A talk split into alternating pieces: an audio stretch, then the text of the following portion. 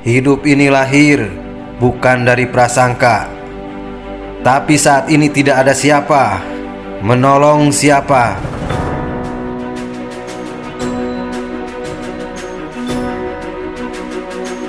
Adakah mungkin hewan dan binatang pun tidak ada yang mati, tetapi manusia semuanya pada mati?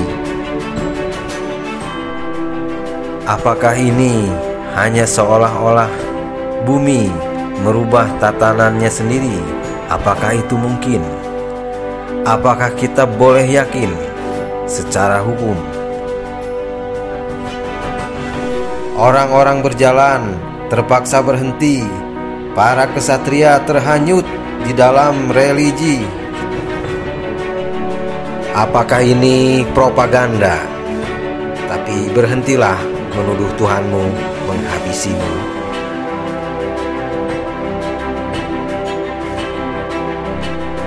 Adakah para kesatria mau menolong orang-orang yang banyak selain menyelamatkan dirimu sendiri?